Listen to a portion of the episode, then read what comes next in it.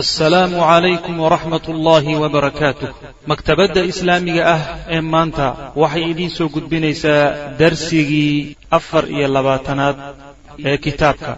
Kitaabu tawxiid lishaykh moxamed ibni cabdilwahaab alxamdu lilaahi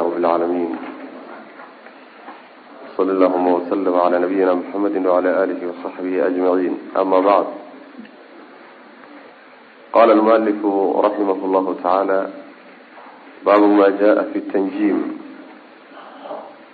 uu baabu yahay wixii ku yimid xidigeysiga ama xidigsiga tanjiimka waxaa laga wadaa cilmiga xidigaha barashadiisa laga wadaa cilmiga xidigaha marka laba qeybood weye inagii soo marna soo sheegnay. Baabkan iyo baabka ka dambeeyaba cilmigaa xidigaha ayuu kaga hadlayaa macana marka cilmiga xidiguhu waa laba qeybood qeybi waxa weeye waa qeybta la yidhaahdo cilmu ta'hiir baa la dhahaa. Waxayna macnaheedu tahay isbedelada dhulka ka dhacaya oo lagu xidhiidhiyo xidigaha isu imaanshaheeda iyo kala tagooda. Macnaha dhacdooyinka dhulka ka dhacaya in la yidhaahdo xidigaha ku lug leh. Ama xidigaha sababa ama xidigaha way ka soo fulaysa xidigaha sameynaya macnaha. Saas oo kaleta in la yidhahdo yani xiliyaha dabayluhu dhici doonaan xiliyaha roobku imaan doono xiliyada masalan sicirku isbedeli doono. Xiliyadaas macnaha in la yidhaahdo xidigaha waxaas maamulayo ka dambeeya isu imaadkooda iyo kala tagkooda cilmiga noocaasa cilmu ta'hiir baa la yidhahda saddex qaybood buu sidii leeyahayo qaybi waxa weye waa inuu ruuxu rumeeyo ama la rumeeyo inay xidiguhu laftooduba samaynayaan waxyaalaha dhulka ka dhacaya. Kaasi waa gaalnimo cad wey islaamka lagaga baxaa taas muran ma leh. Ta labaadna waa inuu loo daliishado xidigaha isu imaadkooda iyo kala tagooda. Garashada cilmulgeybka in loo daliishado yacni ruuxi inuu yidhaahdo mustaqbalkan wax ka sheegaya. Isla markaa haddana jidka uu u marayo iyo shayga uu adeegsanayo uu yidhahdo xidigahan ka garanaya macnaha xidigahan ku garanaya. Kaasuna isaguna waa waa isaguna gaalnimo wey. Maxaa yeelay iddicaau cilmi algeyb waay waxa cilmiga inaga qarsoonaya ilaahay uusan uguba talagelin adoomadiisa in wax ka ogeysiiyo oo la sheegto wey taasuna. Taasna waa gaalnimo. Qeybta saddexaadi waxa weye in uu u rumeeyo xidiguhu inay sabab u yihiin khayrka iyo sharka dhulka ka dhacaya sabab mujarad ilaahay sabab buu uga dhigay. Taas iyadu waa shirki yar. Waa shirki yar. Maxaa yeelay horaan u soo marnay qawaacidda fi cilmi tawxiid waxaa ka mid a. Shay aan sharcigu sabab ka dhigin haddaad sabab u ictiqaadiso.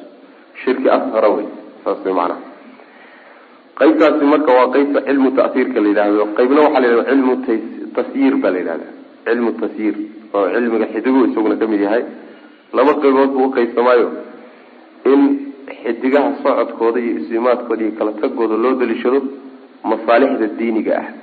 Masaalixda diiniga sida masalan waxaa jirta axkaam diinta ah oo xidigaha ku xidhan masalan sida masalan qiblada oo kale markii la waayo oo maku ruux macnaha uu garan waayo xidigahu daliishan marka masaalix diini ah in loo daliishado xidigihii si loogu gaadho oo sharciguna ku xidhay qaybi waa qeybtaas inay waajib noqotaa laga yaabaa qeybtaas barashadeeda qaybina waxa weeye in loo daliishado xidigaha socodkooda iyo kala tagooda iyo islimaadkooda masaalix adduunyo.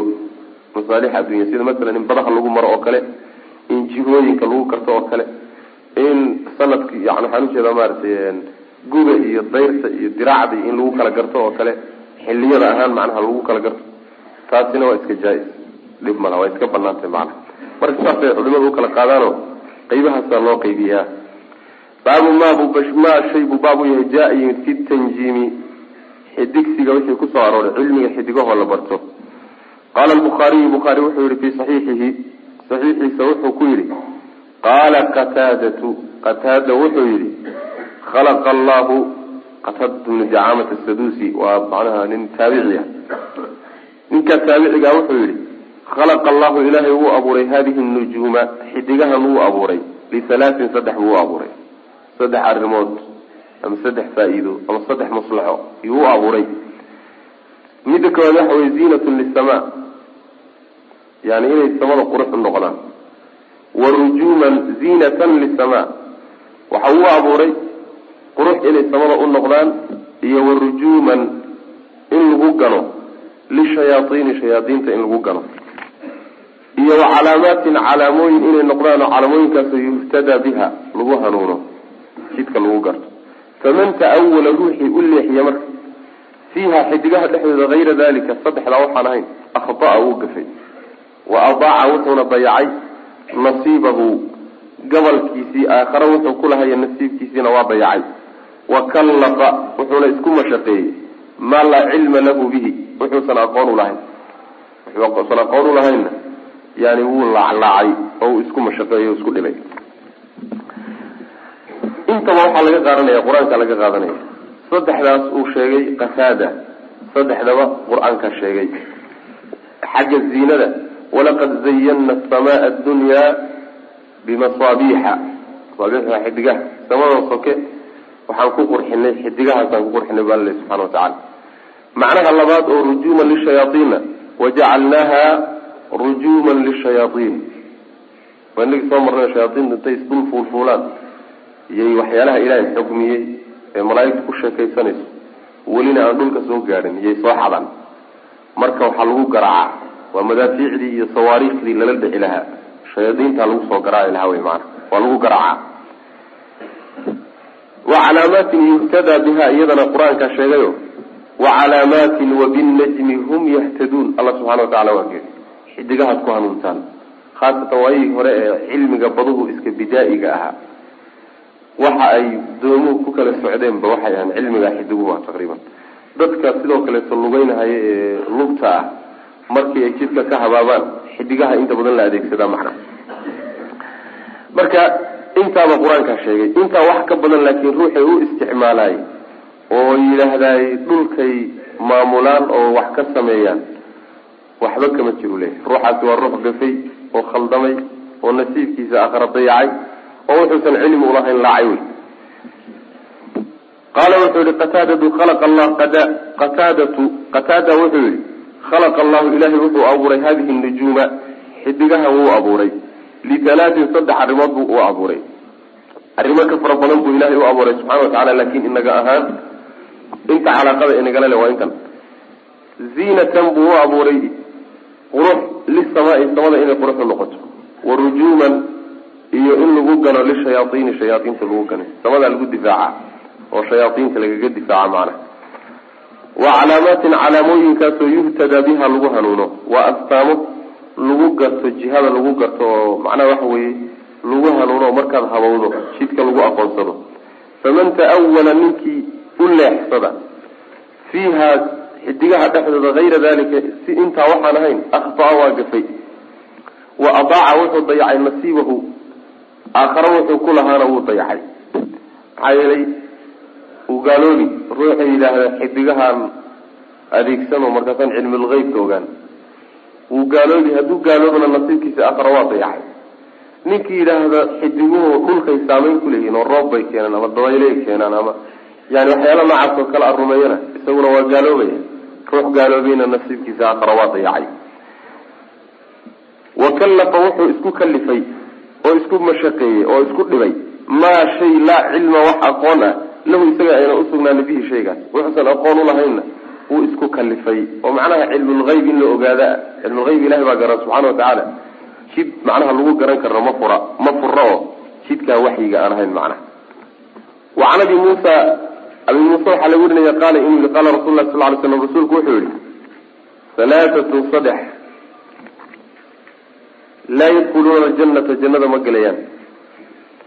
Mudminu lkhamri khamrada ruuxa daa'ima wa musadiqun bisixri sixirka ruuxii rumeeya wa qaaticu raxim iyo qaraabogoys saddexdaa midna jannada ma galo rawaha waxaa wariye xadiidka axmed wa ibnu xibbaan ayaa fii saxiixihi ku wariyey xadiidku waa daciif sanadkiisa waxaa ku jira nin la yihahda abu xariis cabdullahi bn xusein saduuq yukti waa nin iska runlow ah laakiin wuu gafaa ninkaasaa marka sanadkiisa ku jira mutaabicna male shawaahidna male sidaa daraaddeed buu xadiidku yaa lagu daciifiyey. Daciifuljamic sagiirka ayuu sheekh naasir iddiin albani ku soo arooriyey. Xadiidku marka wuxuu leeyahay saddex ruux. Jannada ma galaan. Ruux waa midka khamrada daa'ima. Mudminku waxaa la yidhahdaa ruuxa khamrada daa'ima aada u caba jannada ma galo. Jannada ma galo macnaheedu waxa weeye hadduu xalaashado. Hadduu xalaashado. Jannada geli maayo maxaa yale waa gaal hadduusan xalaashanin laakiin isagoo saa ku cabay uu ku geeriyoodana. Waa muslim. Jannada ma galo maxaa laga wadaa marka. Waxaa laga wadaa jannada ma galo. Dadka hore jannada gelaya la geli maayo. Gadaal dambe hadduu galo xataa. Gadaal dambe mar la soo ciqaabay oo la soo dhibay oo naarta la soo geyay markaan buu imaanay. Saas way maana wamusadiqun bisixri ninka labaadna waa ninka sixirka rumaysan intaan ka bodna miya? Wa kariha qataadatu? Qataada wuxuu necbaay wuxuu wuxuu kala haystay. Tacalluma manaazil alqamar manaazili alqamar. Qamarku meelaha uu fadhiisto ee uu dego barashadooda ayuu kala haystay. Walam yurakis ma uusan banaynin sidoo kale arrintaa ibnu cuyayna sufyaan ibnu cuyayna muusan banaynin fiihi arrinkaa barashadiisa dakarahu waxaa sheegay hadalkaa isaga ah xarbun ayaa sheegay. Canhumaa qataade iyo ibnu cuyayne waxaa ka sheegay hadalkaa xarbi yani xarbigaasi xarb ibnu ismaaciil baa la yidhaha alkarmani. Waa ardadii imaamu axmed nin kamida wey. Bal raggii ugu waaweynaa buu ka mid yahay. Ninkaasaa marka ka sheegay labadooda. Warakasa waxaa baneeyeyse fii tacallumi lmanaazili dayixu meelaha uu dego barashadooda waxaa baneeyey axmedu axmed baa baneeyey wa isxaaq iyo isxaaq baa baneeyey yani qataada iyo ibnu cuyeyna labaduba waa diideen karaahada waa inagii soo marnay alkaraahatu cinda asalaf waxaa laga wadaa karaahatu taxriim sidaasay u badnaayeen isticmaalkeeda laakin alkaraahatu cinda almutaahiriin waxa weeyaan waa karaahatu tanzih khilaafu lwlaa mida la yidhahdo wy maana marka wuu xarimi jiray qataada wuu diidi jiray ibnu cuyeyna sufyaan baa isaguna la mid ah laakiin imaam axmed iyo isxaaq labadaba waxaa laga soo tabiyey oo laga soo sheegay inay iyagu ay banayn jireen oo dhihi jireen dhib ma laha. Barashada cilmiga xidigaha marka cilmiga xidigaha ee la baranayo waxaa lagu kala awilaya kan ay ay macnaha ogolay axmed iyo isxaaq ay leeyihiin waa banaan yahay waa midka aan shirkigu ku dhex jirin. Shirkigu ku dhex jirin macnaha. Yani sideed iyo labaatan boos buu yuu degaa macnaha yuu leeyahay dayr sideed iyo labaatanka mid walba xidigaha ku aadan oo soo baxa. Marka manaasisha barashadooda oo layska barto ama loo bartaba in masaalix adduunyo loogu adeegto ama masaalix diiniya loogu adeegto taasi dhib ma laha. Waana midda axmed iyo isxaaq ay ka hadlayaan. Laakiin in loo barto in xidiguhu ay dhulka saameyn kuleeyihiin oo waxyaalaha dhacaya iyagu ay samaynayaan ama sababba u yihiin qaabkaa in loo bartaayo yani taas wey midda ay karaahaysanayaan ama xarimayaan yani qataada iyo ibnu cuyeyne iyo raggale oo ficlan saa in loo kala qaado ayaa fiican. Ayb wacan abi muusa qaala wuxuu yihi qala rasul lah sal ly slam rasuulku wuxuu yihi halaatatun saddex laa yadkhuluuna janata jannada ma galaan. Mudminu lkhamri ninka khamrada daa'ima. Wamusadiqun bisixri iyo ninka sixirka rumeeya. Ninka sixirka rumeeya. Xadiidku inuu daciif yaha sheegnay sanadkiisa oo cidda ku jirtana waynu sheegnay cabdullahi bn xusein baa ku jira. Musadiqun bisixriga waxaa laga wadaa. Waana meesha xadiidka laga deliishanaye cilmiga sixirka ruuxii rumeeyaay jannada ma gelin maxaa yale waa gaaloobaya saynu soo marnay. Oo maxaa sixir iyo xidig xidigo yani cilmiga xidigaha kala galay. Ilan cilmiga xidigaha kudhex jirnay. Sixir maynaa kudhex jirin. Maxalushaahidkuna waxaynu nihi xadiidka waa musadiqun bisixrida waxa macnaha waxa wey loo deliishanaya. Waynu soo marnay oo xadiid baynu ku soo marnay in cilmiga xidiguhu uu yahay nooc sixirka ka mid. Soo ma? Waa kian soo marnay man iqtabasa shucbatan min annujuum faqad iqtabasa shucbatan min asixri marka xidigsiga iyo cilmigan xidiguhu waa qeyb sixirka ka mid. Sixirkii oo ay qeybtaasi ku jirto ninkii rumeeyana macnaha waxa weya jannada ma geliyo ka saddexaadna waa qaraaba goyska wey fiihi masaail baabkan masaa-il dhowraa ku jirta. Alula masalada koowaad waxa wey alxikmatu xikmadda iyo ujeedada fii khalqi nujuum xidigaha abuuristooda ujeedada ku dhex jirta xikmadda ku dhex jirta. Yani saddex baa loo abuuray waa ki yani qataada noo soo sheegay. Athaaniyatu masalada labaad waxa wey alraddu in la radiyo calaa man dad in la radiyo. Ciddaasoo zacama sheegtay kayra dalika intaa waxaan ahayn. Saddexdaa wax ka badan wixii ruuxii xidigaha ku sheega ama ka sheegaayo kaasoo la radiyo oo lagu diido wuxuu sheegayo ayaan iyadana soo baranay ayib. Athaalithatu masalada saddexaad waxa wey dikru lkhilaaf khilaafkii oo la sheego la isku khilaafsan yahay culimadu isku khilaafsan yahay fi tacallumi lmanaazil manaazisha iyo boosaska uu xidiguhu degaan ama dayaxu dego barashadooda ma banaanta mise ma banaana in la isku khilaafsan yahay ayaan soo sheegnay culimadu isku khilaafsan yahay.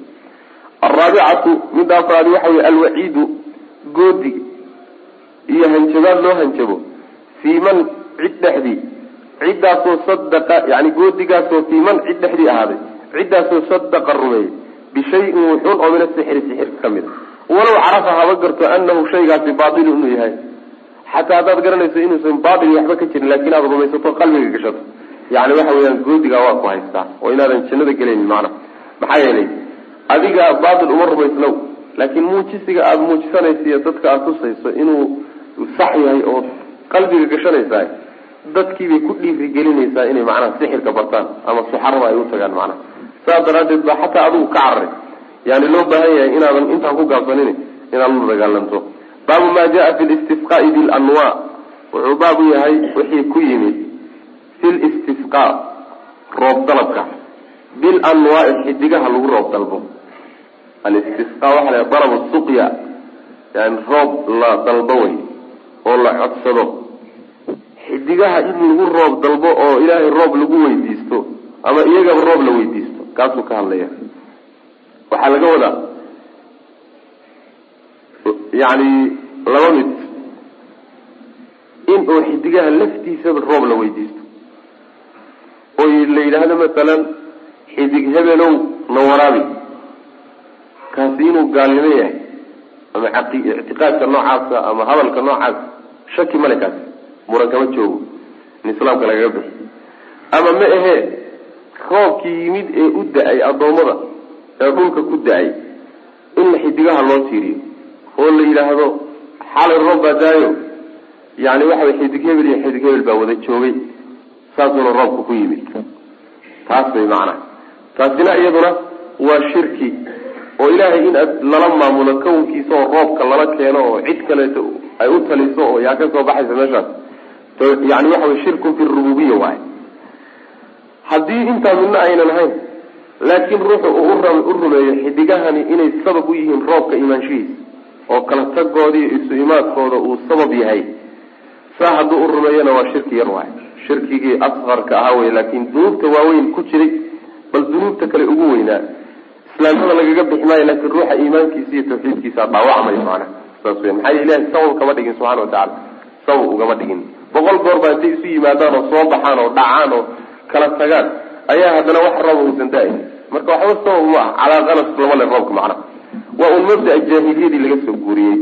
Baabu maa jaa wixii baab u yahay fi listisqa roob dalab wixii ku yimid bil anwaai xidigaha lagu roob dalbo. Wixii ku soo arooray oo nusuus iyo goodi ah ayuu baab u yahay. Ayb wa qawli llahi tacaala iyo ilahay odhahdiisa ayuu baab u yahay.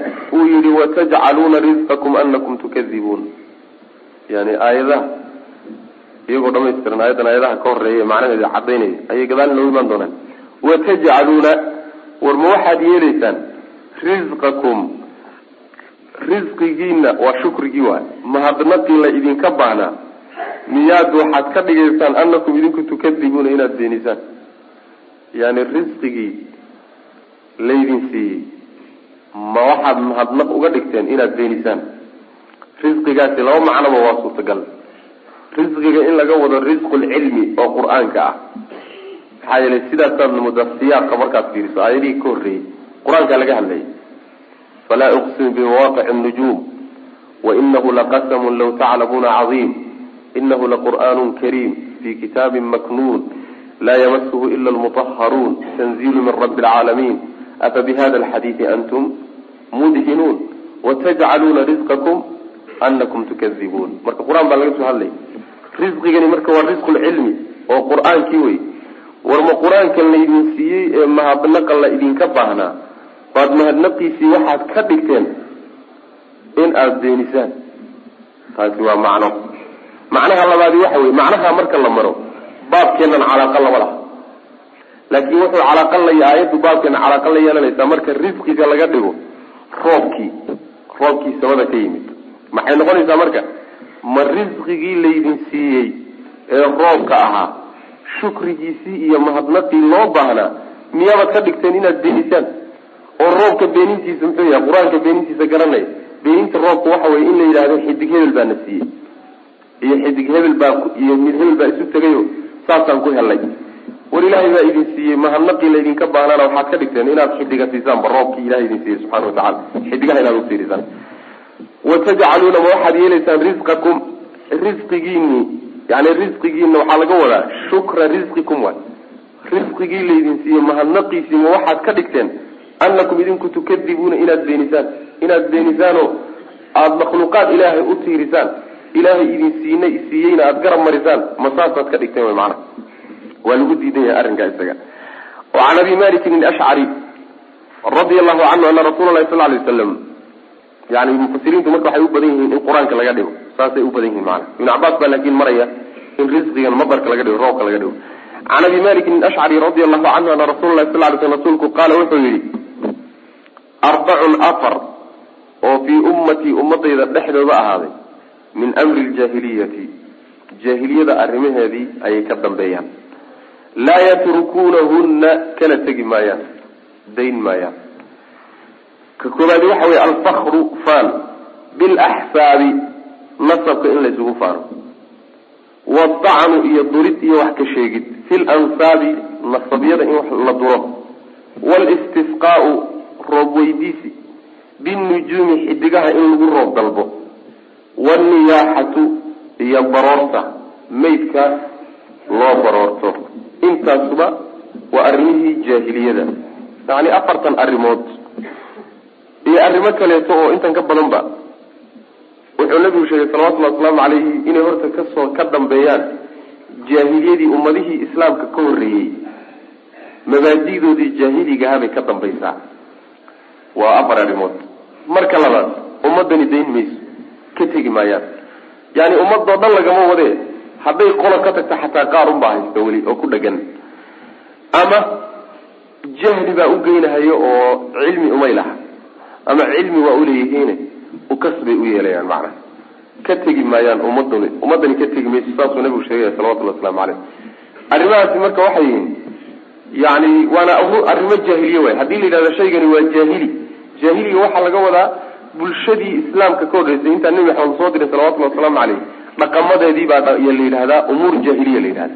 Mar haddii jaahili shayga loo tiiriyana ma banaana way macana walaa tabarajna tabaruja aljaahiliyati alula dhaqamadoodii iyo akhlaaqdoodii xumayd iyo mabaadidoodii xumayd ee nebigu ku khilaafay diintu ku khilaaftay taasaa macnaha laga wadaa.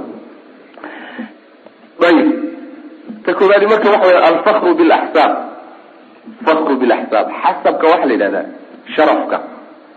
Inta badan ku yimaada aabbayaasha iyo awowga iyo xagga kaa soo gaadha.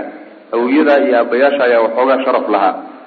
Sharafkaasaa marka waxa la yidhaha xasabka la dhahaa kaas oo marka laysugu faano oo yidhaahdaa annagaa ree hebel ka fiican annagaa macnaha waxa wey ka gobsan annagaa ka leendhayraysan annagaa kan a annagaa kan a kaawey macnaha. Talabaadna waxa weeyaan maxaa yeele ilahi subxaana watacaala miisaanka lagu kala fiican yahay kamuusan dhigin sharaf awow iyo aabba kaa soo gaadhay laakiin miisaanka ilahay agtiisa lagu kala fiican yahay waa ataqwa allaga cabsi wey ruux mar ruuxu ilaahay diintiisa uga dhow yahay iyuu ka fiican yahay. Ama awowyadii aabihii ha hooseeyeen ama ha sarreeyeen miisaanku kaa wey miisaankii marka sharciga ninkii intuu dabagediyo wax kale miisaan ka dhiga oo addoommadii miisaankaa ku kala saaraay. Sharcigiibuu macnaha waxa wey bedelay. Sharcigiibuu bedelay. Meel xun macnaha waxa wey ku dhacay. Dadka hadda masalan la liido oo kaleeto ruuxu marba hadduu nasab sheegto abtirsado abtirsigiisaasi lama faragelin karayo waa loo nabadgelin sidiisaa loogu dayn. Laakiin been buu sheegahayaa iyo xaggu ka yimid iyo kan iyo waa kala go-an yahay iyo waxaasi wax jira ma ah saasaa loogu nabadgelinaya macana maxaa yeelay yani iyaduna arrinti arrimaha jaahiligai ka mid tahayo bal nabigu salawatullhi waslamu aleyh abudar ninka la yidhahda saxaabadiisa ka mid ahaa yaa maalin maalmaha ka mid nin buu wax ka sheegay. Hooyadaabaa madoobeyd buu ku yidhi. Hooyadaadii madoobey markaasuu nabigu wuxuu ku yihi salawatullhi waslamu aleyh acayartahu biummihi ya abadar abudarow ma hooyadii baad ku ceebaysay inaka mru'un fiika jaahiliya waxaa tahay ruux. Jaahiliyadii wax kaga dambeeyaan. Ufiirsa hooyadaabaa madow wey reerkiina aqal haddaad tidhahdo ka war ama aad tidhaahdo macnaha waxa wey yibra tidhaahdo ama midka tidhaahdo ama tumaallo tidhaahdo ood ku yasta ka war ummado dhan oo ilahay abuurtay subxana wa tacala waxaad la dheer tahay inaysan jirin. Hal ruux oo wax ka sheego hooyadaabaa madow midabkeeda uu ku sheegay. Yuu nabigu leh sal lay slam jaahiliya kugu jirta saas weye marba haddii muslimiin la yahay waxba layslama dheer. Alla ka cabsi diinta ku dhaqankeeda iyo u adeegideeda ilaahay agtiisa lagu kala fiican yahay. Wax kaloo lagu kala fiican yahay haba yaraate ma jirto. Bal nabigu sal lay waslam dadka mabaadi'da wata wuxuu ku sheegay xadiidka saxiixa war waxaad iska daayi waxa waad faankii iyo kibirkii iyo isla weynankii iyo qabkii jaahiliyada iyo awowyadoo laysugu faaniyo aabayaasha taa daaya buy dadku waa uun mu'min ilaahay ka cabsanay iyo faajir ilahay xadhigiisa gooyey. Labadaa unba unbaa miisaanku labadaa wax ka dhexeeya laakin ma jiro. Yani idinkuna aadam baa idin dhalay aadamna caraa laga abuuray. Arrimaha marka waad daynaysaan oo rag naarta ku jiro oo naarta ku dhexelooyay waa awowyadaad ku faanaysaan kufaanidooda waad joojinaysaan. Haddii kale ilaahay agtiisa xarwalwaalka waad ka liidanaysaan buu nabigu uri salawatullahi wasalaamu calaykum marka waxaasa laga xoroobo mabda xataa dad quman oo macnaha islaamka iska badaayay xataa gaaladiibaa intay ka quusteen bay iskaga tageen. Nimanka reer yurub la yidhaha wax qabiil la yidhahda ma yaqaanaan qabiilka samaantiisa iyo xumaantiisa waa ka tageen. Inagu laakiin halaga wataga malihine samaantiisii sharcigu ugu talagalay iyo wanaagiisiina ha loo isticmaalo. Xumaantiisana ha laga tago. Saas wey macnaha sidaas wey midda kaleeta waxa weeyaan oo baabkan kadaata meesha looguba keenay xadiidka ah waa in xidigaha roob lagu dalbo oo iyagaa la weydiista lafahooda. Ama ma ahee yacni la yidhaahdaba iyagaa keeno iyagaa sabab u ah macnaha ilahay sabab uga dhigay. Labadaaba yani waxa weeyaan way ku imaanaysa. Ta afraadna waxa weeye masalada afraad ee nabigu sheegay salawatullhi wasalaamu aleyh anniyaaxa. Waa baroorta wey niyaaxadu meydku markuu dhinto haweenku u baroortaan baa la yidhahda loo ooyo midaasina iyaduna ma banaana maxaa yeelay yani waxba u kordhi mayso kan loo barooranayana cadaab iyo dhibin ba u soo jeeday hadduu raalli ka ahaa tan barooranaysa ooyeysana ilaahay qadarkiisa iyo qadihiisay ka cadhaysantah sidaas wey ilan ilahay ba waxay xukmiyey subxaana wa tacaala. Marka waa cadho in la sabraa loo baahnaa ta kale dadkiibay murug iyo walbahaar ku kicinaysaa tan barooranaysa ooyeysa afka kala jiidaysa macana marka waxyaalahaasoo dhan baan loo ogoleen waa in la sabraa la rabaa macana waxaa la ogol yahay keliya haddii meesha uu macnaha ruux baxo oo uu geeriyoodo ishu way ilmayn kartaa qalbiguna waa murgi karaa laakiin intaa ka badan maya saasuu nabigeenu leh salawatullhi wasalaamu caleyh. Hada afka iyo adinkaa la ilaalin laakiin qalbiga lama ilaalin karo ishana lama ilaalin karo. Saas. Bal naxariis bay kutusi labadaas siduu nabigeenu sheegay salawatullahi waslamu caleyh. Wa qaala nabigu wuxuu yihi salawatullahi wasalaamu caleyh annaa-ixatu haweenayda barooranaysaay idaa lam tatub haddayna tawbad keenin qabla mawtiha intaysan dhimanin. Tuqaamu waa la istaajin yawma alqiyaamati maalinta qiyaamadaa la soo istaajin walxaal calayha dusheeda uu yahay sirbaalun maro weyn oo jidhkeeda wada gaadhaysa min qatiraanin oo daamur ah. Wa dircun iyo diric oo min jarabin cadha ah. Hadday toobad keeni weydo intay adduunka joogto way ku geeriyoodo iyadoo barooran jirtay hadday saa ku geeriyoodo maalinta qiyaamadaa la soo istaajinaya iyadoo maro weyn qabta oo jidhkeeda wada gaadhaysa maradu waxay ka samaysan tahay yani baalkeeda ziftiga yani daamurkan laamiga la dhalaaliyey laami la dhalaaliyey oo karkaraya yay maradu ka samaysantahay iyo sidoo kaleeto diric cadha ah. Yani jidhkeeda wuxuu waxa wuxuu u googo-ayaa jidhkeeda dhan baa waxaa loo waxaa loo googoynaya sida cadhadu jidhka ugoogeyso oo kaleeto markaasaa waxay noqonaysaa cadhadii sidii mar ay xidhanta oo kale. Ayadoo jidhku saa u googo-an yahay ayaa haddana daamur karaya yaa loo gelini macnaha marka waa ciqaab meesha ugu dambeysay wey. Innagana wayba inoo sahlan tahay ninkaan loo barooranin. Iyo macnaha waxa weye haweenkii aan barooranin haddii macnaha waxa weye meyd meesha yimaadaba waxba mayna qabanin wey macnaha aad bay u sahlan tahay in macnaha waxa wey laiska baroorto oo laiska ooyo macnaha wa qaala nabigu wuxu uhi salawatullahi wasalaamu caleyh annaa-ixatu haweeneyda barooranaysa ooyeysahay idaa lam tatub haddayna toobad keenin qabla mawtiha intaysan geeriyoonin tuqaamu waa la istaajini waa la soo istaajin yowma alqiyaamati maalinta qiyaamada. Walxaal calayha dusheeda uu yahay sirbaalun maro weyn oo min qatiraanin daamur ah daamur la karkariyey. Ah wa dircun iyo diric oo min jarabin cadha ah jidhkeedaa macnaha googo-ayo sida cadhadu jidhka u gogoysoo kale ayay u googo-aysaa marka waxaa saalan way danqan way danqan. Yani adigoo aan macnaha daaburba lagu dab lagu taabsiininba ayaa marka jidhkaaga cadha haysa saa haddii lagu taabtaba waad iska danqan. Marka haddii dab dusha lagaasii saarana waa ka sii gedisantaha maana waa ka sii xag jirtaa walahumaa waxaa usugnaaday yani bukhaari iyo muslim can zayd ibn khalid waxay ka warinayaan radi allahu canhu qaala wuxuu yihi sallaa lana rasuulu lahi sal lay slam nabigaana tujiyey salaata subxi salaada subax buu nabiguna tujiyey bilxudaybiyati meesha xudaybiya la yidhaha xudaybiya jidday u dhowdahay jidda agteeda waahay ayib calaa isri samaain roob gadaashii buu nabiguna tujiyey roobkaasoo kaanad ahayd min alleyli habeen xalayso xalay roob da'ay salaadii iyo salaadii subaxna tujiyey nabigu salawatulli wasalam roobkii dhulka ka qoyan falama insarafa markuu nabigu soo gadoomay oo salaada ka soo gadoomay ayuu aqbala ku soo jeedsaday cala naasi dadka ku soo jeedsaday salaaddii markuu ka baxay yuu dadka wejiga soo siiyey sida caadadiisa ahaan jirtay. Faqaala nabigu wuxuu ihi salawatulli wasalaamu caleyh hal tadruuna? Ma ogtihiin dadyow maada qaala waxa uu yihi rabbukum rabbigiin. Rabbigiin wuxuu xalay ku hadlay ma ogtiina mala socotaan qaalu waxay dhaheen allah warasuuluhu aclam. Ilahiy rasuulkiisaa garanaya. Waxba kama ogin qaala wuxuu yihi nabigu sal lay waslam qaala rabbigiin wuxuu yihi dadow asbaxa waxaa waa beriistay min cibaadii addoommadayda xaal uu ka mid yahay. Mu'minun mid i rumeeyey bi aniga wa kaafirun iyo mid igu gaaloobay. Addoomadaydii xalay bariyey laba qaybood mid bay ahaayeen. Qolo aniga i rumeeyey iyo qolo igu gaalowday ayib fa amaa man qaala ciddii tidhi mudirnaa waa nala roobeeyey oo roob baa nala siiyey bifadli illaahi ilaahay siismadiisa iyo ziyaadadiisa waraxmatii iyo naxariistiisa darteed baa roobna lagu siiyey nalagu waraabiyey. Hadalkaa ruuxii ku hadlay oo caqiideeyey oo qalbiga geliyey fadalika midkaasi mu'minun bi anuu i rumeeyey. Wa kaafirun wuxuu ku gaaloobay bilkawkabi xidigana waa ku gaaloobay. Dadku laba qaybood bay noqdeen roobku markuu soo da'ay.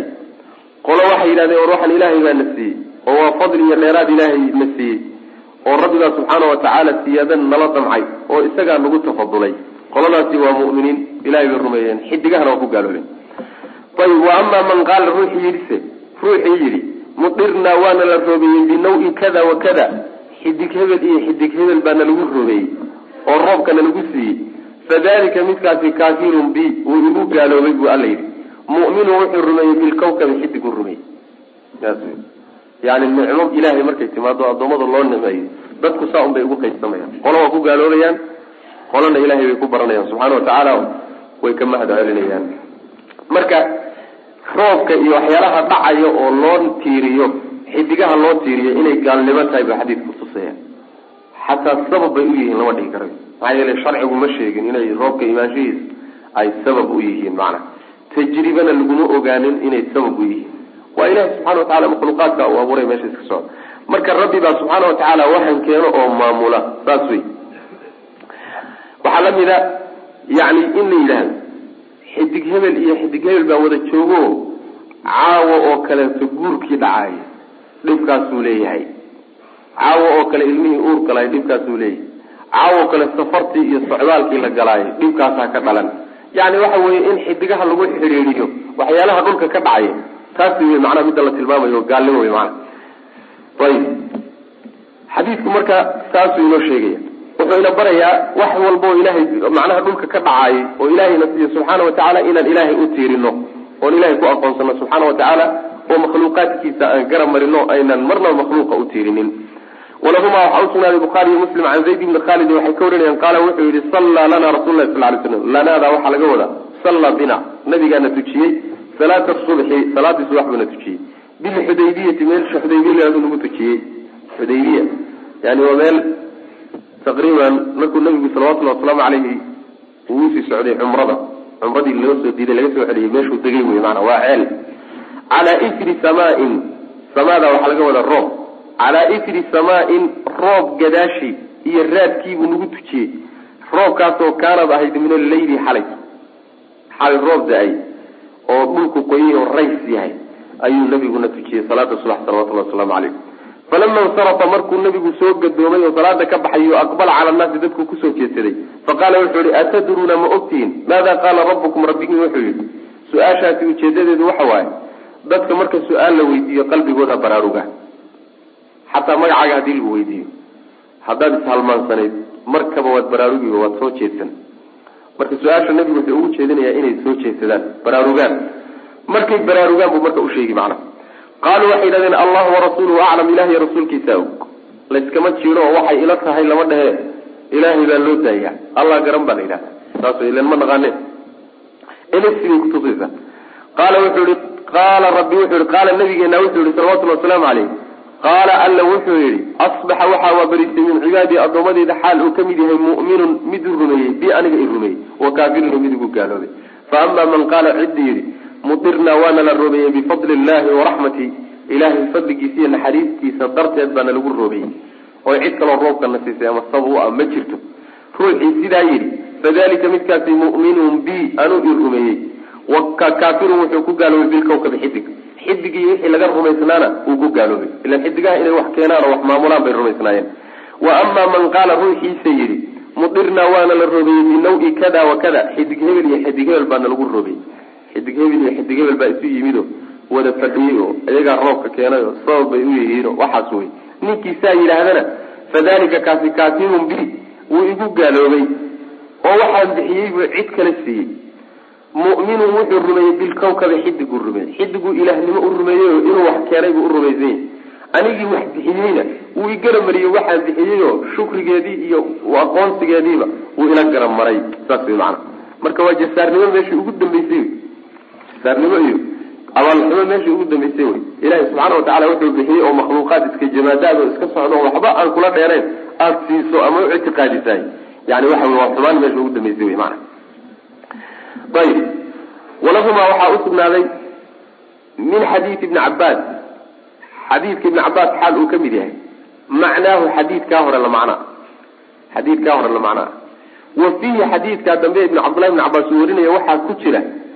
Qaala bacduhum qaarkood waxay yidhahdeen walahumaada meeshuu ina leeyahay. Bukhaariyo muslim ina warin muslim keliya wariya xadiidka.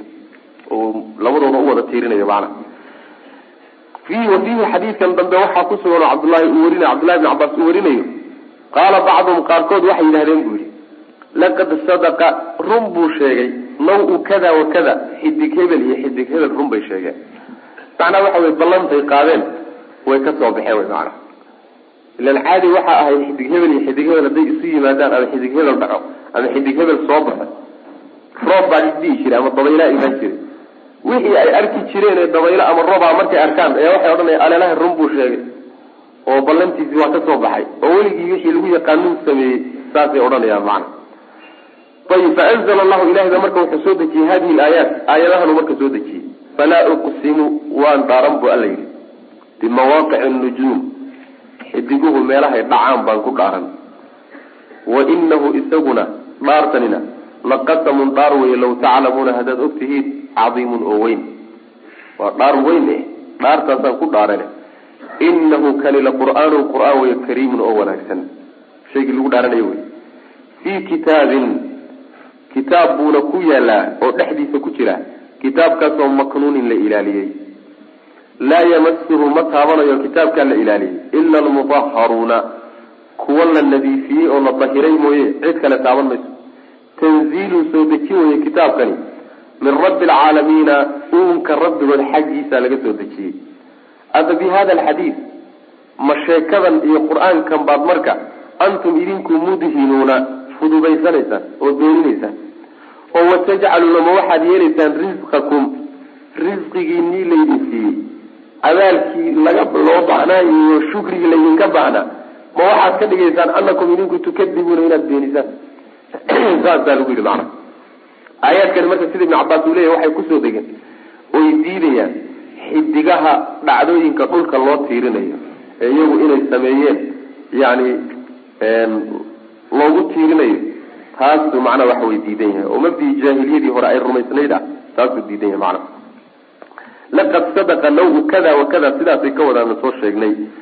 Marka yani falaa uqsimu bimawaaqici nujuum. Wainahu laqasamu law taclamuuna caiim inahu laqur'aan kariim fi kitaabin maknuun kitaabkaasi waa lafulmaxfuud maknuunkuna waxa weye waa la ilaaliyey waxaa laga ilaaliyey inay u dhawaato waxaan ilahay ugu talagelay subxaana watacala wax walbaa laga dhowray kitaabka qur'aankana waxaa laga keeno wuu ku yaalla lawxulmaxfuudka laa yamasuhu ila almutaharuun waxaa raajixa tafaasiir badan baa ku jirta laakiin waxaa raajixa mutaharuunta waxaa laga wadaa waa malaaigta kitaabka aan la taabanayninna waa lawxulmaxfuudka sidaasay culimada tafsiirku u badan yihiin.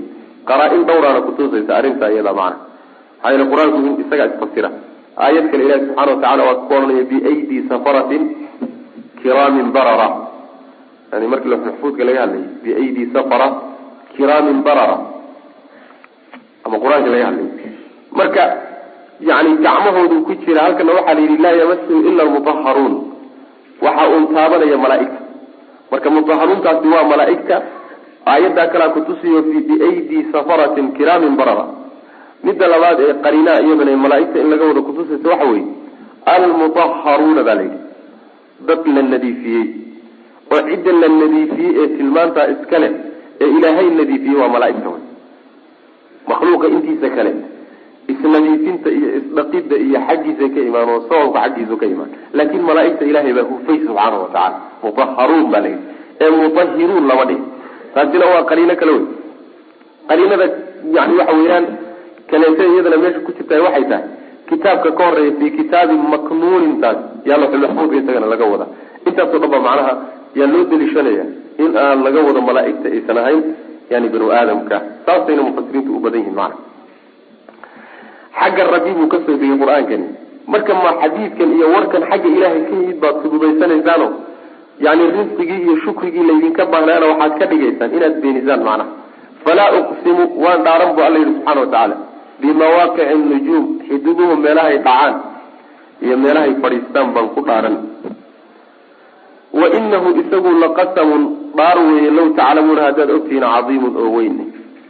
Waxaan ku dhaaranayaa inahu xidigahan ku dhaartaye inahu kani la qur'aanun qur'aan weye kariimun oo wanaagsan fii kitaabin lawxulmaxfuud buu ku dhex jiraa maknuunin oo la ilaaliyey aan faraha lala geli karin laa yamasuhu ma taabanayo ila almutaharuuna kuwa la nadiifiyey oo malaa-ig ilaahay amooye lawxulmaxfuudka cid kaloo taaban karta ma jirto looma dhawaan karo macna tanziilun soo dha tanziilun soo dejin weye qur'aanku min rabbi alcaalamiina uunka rabbigood xaggiisa ayaa laga soo dejiyey.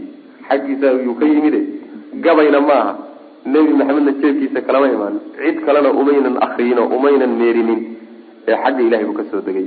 Afa bi hada alxadiid ma warkanaad marka antum idinku mudhinuuna aada fududaysanaysaan macnaa mudhinuuna mutahaawinuun waay. Miyaad fududaysanaysaan oo markaad beeninaysaan? Ma hadalkan ilaahay baad fududaysanaysaan oo beeninaysaan? Oo watajcaluuna ma waxaad yeelaysaan? Risqakum risqigiinii yani risqi cilmiga risqi cilmi waxyigaa laga wadaa shukrigii loo baahnaa risqigan laydin siiyey shukrigiisii ma waxaad ka dhigaysaan anakum idinku tukadibuuna inaad beenisaan. Ma beenin baad ku jawaabteen. Oo jawaabtiina waxay noqotay inaad beenisaan oo diidaan. Ilahay kitaabku idinku soo dejiyey ee waxyiga aha macna fiihi masaail baabkan masaail baa kusugan masaail alula masalada koowaad waxa wey tafsiru aayati lwaaqica aayaddii ku soo arortay fi suurati lwaaqica oo la fasiro. Waa aayaddii ugu horeysay yani aayaddii ugu horeysay uguna dambeysay maanaa watajcaluu risqakum anakum tukadibuun aayaadkanay ugu dambaysa laakiin baabku ku bilaabay sheekhu oo ugu horreysay maana athaaniyatu masalada labaad waxa weye dikru larbaci afartii oo la sheego allatii afartaasoo min amri ljaahiliyati jaahiliyada arrimaheedii ka mid waa afartii arrimoode aan soo marnay nasabkoo laysugu faado iyo dadka nasabkiisa wax laga sheego iyo xidigahoo lagu roob dalbo iyo baroorta maydka loo baroorto. Athaalidatu masalada saddexaad waxa wey dikru lkufri gaalnimo oo la sheego fii bacdihaa qaarkeed. Afartaa qaarkood inay gaalnimo ku jirto oo lagu gaaloobayo la sheego. Yani xadiidka riwaayaadkiisa qaar ka mid ay ku soo aroortay isnatani fi nnaasi humaa bihim kufrun. Laba arrimood oo dadku haystaan oo dadku ku dhaqmayaan gaalnimaa ku sugan buu nabigu yuri salawatulli wasalaamu caleyh waxa weyaan aldacnu fi lnasab waniyaxatu cala lmayit muslim baa weriya xadiiskaas yani nasabka oo la duro wax laga sheego dadka nasabkiisa oo la yidhahdo waa nasab dhiman iyo meydka oo loo baroorto oo dushiisa lagu ooyo markuu geeriyoodo kadib labada arrimoodba gaalnimaa ku sugan buu nabigu uri salawatulli waslamu caleyh haddii la xalaashadana dee islaamka laga bixo waa gaalnimadii weyneyd haddii aan la xalaashaninna waa kufrun duuna kufrin o waa gaalnimadii yarayde ruux islaamku uusan kaga baxaynin laakin dembi weyn wey oo ilahi subxana watacaala toobad may wax kale aanusan ku dhaafin.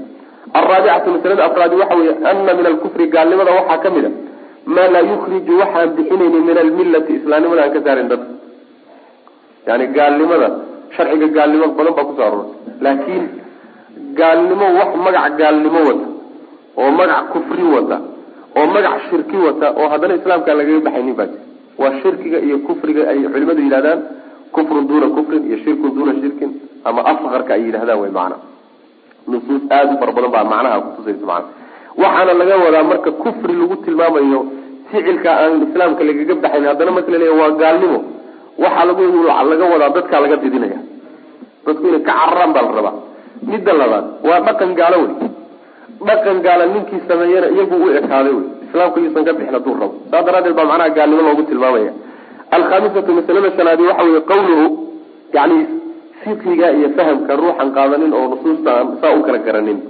Waxaa dhacaysa acmaal aan lagu gaaloobin inuu dadka ku gaalaysiiyo saasaa dhacaysa maana khalad badan baa imaan. Marka nusuusta mid walba mawqiciisi iyo meeshuu leey in la dhigo wey maana alkhamisatu masalada shanaadi waxa weye qawluhu odhaahdiisa uu nabigu yihi sal lay wasalam asbaxa alla uu yii qawluhu ilahay odhaahdiisa uu yihi asbaxa waa waabaystay min cibaadii addoomadeeda xaalay ka mid yihiin mu'minun bi midii rumeeyey wa kaafiru mid gaaloobay bisababi nuzuuli nicma nicmadaas soo degtay daraaddeed iyo sababkeeda u qaarna gaalo ku noqdeen qaarna muslimin islaam ku noqdeen. Wa ficlan saas wey ilahay hadduu hadda barwaaqo ina siiyo rag dadka dhaqaalo siiyo. Dhaqaalaha qaarna ilahay unbay ku aqoonsan oo hanuun iyo wanaag bay ka qaadi qaarna markaa unbayba macnaha fog bilaabayaan inay fisqi iyo xumaan iyo fogaansho iyo balwad iyo halkaasay ukacayaan macnaha. Marka nicmo walbao ilaahay uu keenay barwaaqo walba iyo xataa sharka. Dadku way ku qaysamiyo qaarna way ku hagaagi qaarna way ku xumaanayaan macana wanabluukum bishari waalkhayri fitna saas wey macana asaadisatu masalada lixaad waxa wey atafatunu in la fahmo. Liliimaani iimaanka in la fahmo fi hada almawdici meeshan. Meeshan markaan joogno oo xidigaha iyo laga hadlayo xadiidkan hadda soo marnay oo kale iimaanku muxuu yahay waa in la fahmo. Iimaanku waxa weye nicmadii dhacday inaad ilahay u tiiriso fadliga ilahay iyo naxariistiisa inaad utiiriso iimaanku macnaha asaabicatu masalada toddobaadna waxa weye atafatunu in la fahmo iyadana lilkufri gaalnimada fi hada almawdic meeshan iyo xadiidkan hadda aan soo maraynay gaalnimada lagu sheegay oo iyadana la fahmo. Ma gaalnimadii islaamka lagaga baxayaga maya haddii aanu ruuxu rumaysnayn xidiguhu iyaguba inay wax maamulayaan oy roobkan keeneen. Uusan rumaysnayn in ay iyagu loo xil saaray. Laakiin uu rumaysan yahay un inay sabab u yihiin. Waa shirkigii yaraa iyo gaalnimadii yarayd wy maana sabab maxaa yeele waxaan sabab sharcigu ka dhigin. Tajribana aan lagu ogaan inay sabab tahay. Haddaad sababaan u ictiqaadiso waa gaalnimadii yarayd wey maana shirkigii yaraa ayib gaalnimada halkan marka waxaa laga wadaa roobkii iyo nicmadii ilaahay bixiyey oo xidigaha ama makhluuqaadka qaar kamida loo tiiriy yani sheekh hebel baa keenay oo kaleeto la yidhahdo. Kama gedisna. Xidigaha in loo tiiriyo iyo qubuurta oo loo tiiriyo dadka ku jira oo la yidhaahdo sheekh hebel baan xalayso macnaa shalayta samaynay. Yani munaasabadiisii samaynayo hade roobkan isagaa keenay. Waa nafta xidigihii meeshoodii wey maana athaaminatu masalada sideed waxa wey atafatunu in la fahmo liqawlihi odhaahdiisa in la fahmo uu yihi odhaahdooda ay yidhaahdeen laqad sadaqa naw kada wa kada. Xidig hebel iyo xidig hebel ayaa ruu sheegay saasay dhahayaan. Macnaha waxa weeyaan ballanqaadkiisii buu fuliyey wy marka kadibna yani ballanqaadkiisii waa ka run sheegay oo wuu noo fuliyey siday iyagu sheeganayaan macnaha say iyagu leeyihiin ilan saasay qabaan. Ataasicatu masalada sagaalaad waxa weye ikhraaju lcaalimi ninka caalimka ah inuu bixiyo litacliimi barid daraado dadka uu barayo inuu u bixiyo lilmas'alati almas'alata mas'alada inuu soo saaro bilistifhaami su'aal ahaan inuu ku soo saaro weydiin canha iyadoo wax layska weydiinayo yani waxa weye ninka dadka wax barayaay inuu shaygii uu dadka doonayay inuu usheego marka hore su'aal ahaan ugu dhex tuuro ayaa iyadana laga qaadanaya inay banaanta oo maxaa uu ka doonaya su'aasha mu isaga sheego su'aashuu baraarujin baa laga wadaa in qalbigooda uu baraarujiyo uu soo jiito qalbigu markuu baraarugo isagoon weli aan dib u noqonin in marka uu soo jeeda in wixii la geliyo. Saasa macnaha waxa ujeedadu ay tahay. Ayib ikhraaju lcaalimi ninkii caalimka ahaa inuu soo saaro litacliimi barid daraaddeed dadka uu baraya almas'alata mas'aladii inuu soo saaro bilistifhaami yani ama litacliimi barid bilmas'alati masalada dadka uu barayo inuu soo saaro bilistifhaami weydiin iyo su'aal. Canha mas'alada xaggeeda wax laiska weydiinayo liqawlihi ayaa laga qaadanaya nabiga oo dhahdu yihi salawatullhi waslamu caleyh atadruuna maada qaala rabbukum? Ma ogtihiin dadow rabbigiin wuxuu xalay yidhi. Rabbigiin wuxuu yihi ma maqasheen. Allah warasuulu aclam wey markaas uu sheegi alcaashiratu mas'alada tobnaadi waxa weeye waciidu naaixati haweeneyda barooranaysa oo loo hanjabo loo goodiyo oo la yidhahdo waa lagu cadaabi haddaad waxanjooji weyda macna. Hada wabilahi tawfiiq wsala allahuma waslama calaa nabiyina muxamedi wacala alihi wasaxbihi wasalam walaalayaal darsigaani halkaas ayuu ku eg yahay. Allah tabaaraka wa tacaala waxaan ka baryaynaa inuu nagu anfaco. Assalaamu calaykum waraxmat ullaahi wabarakaatuh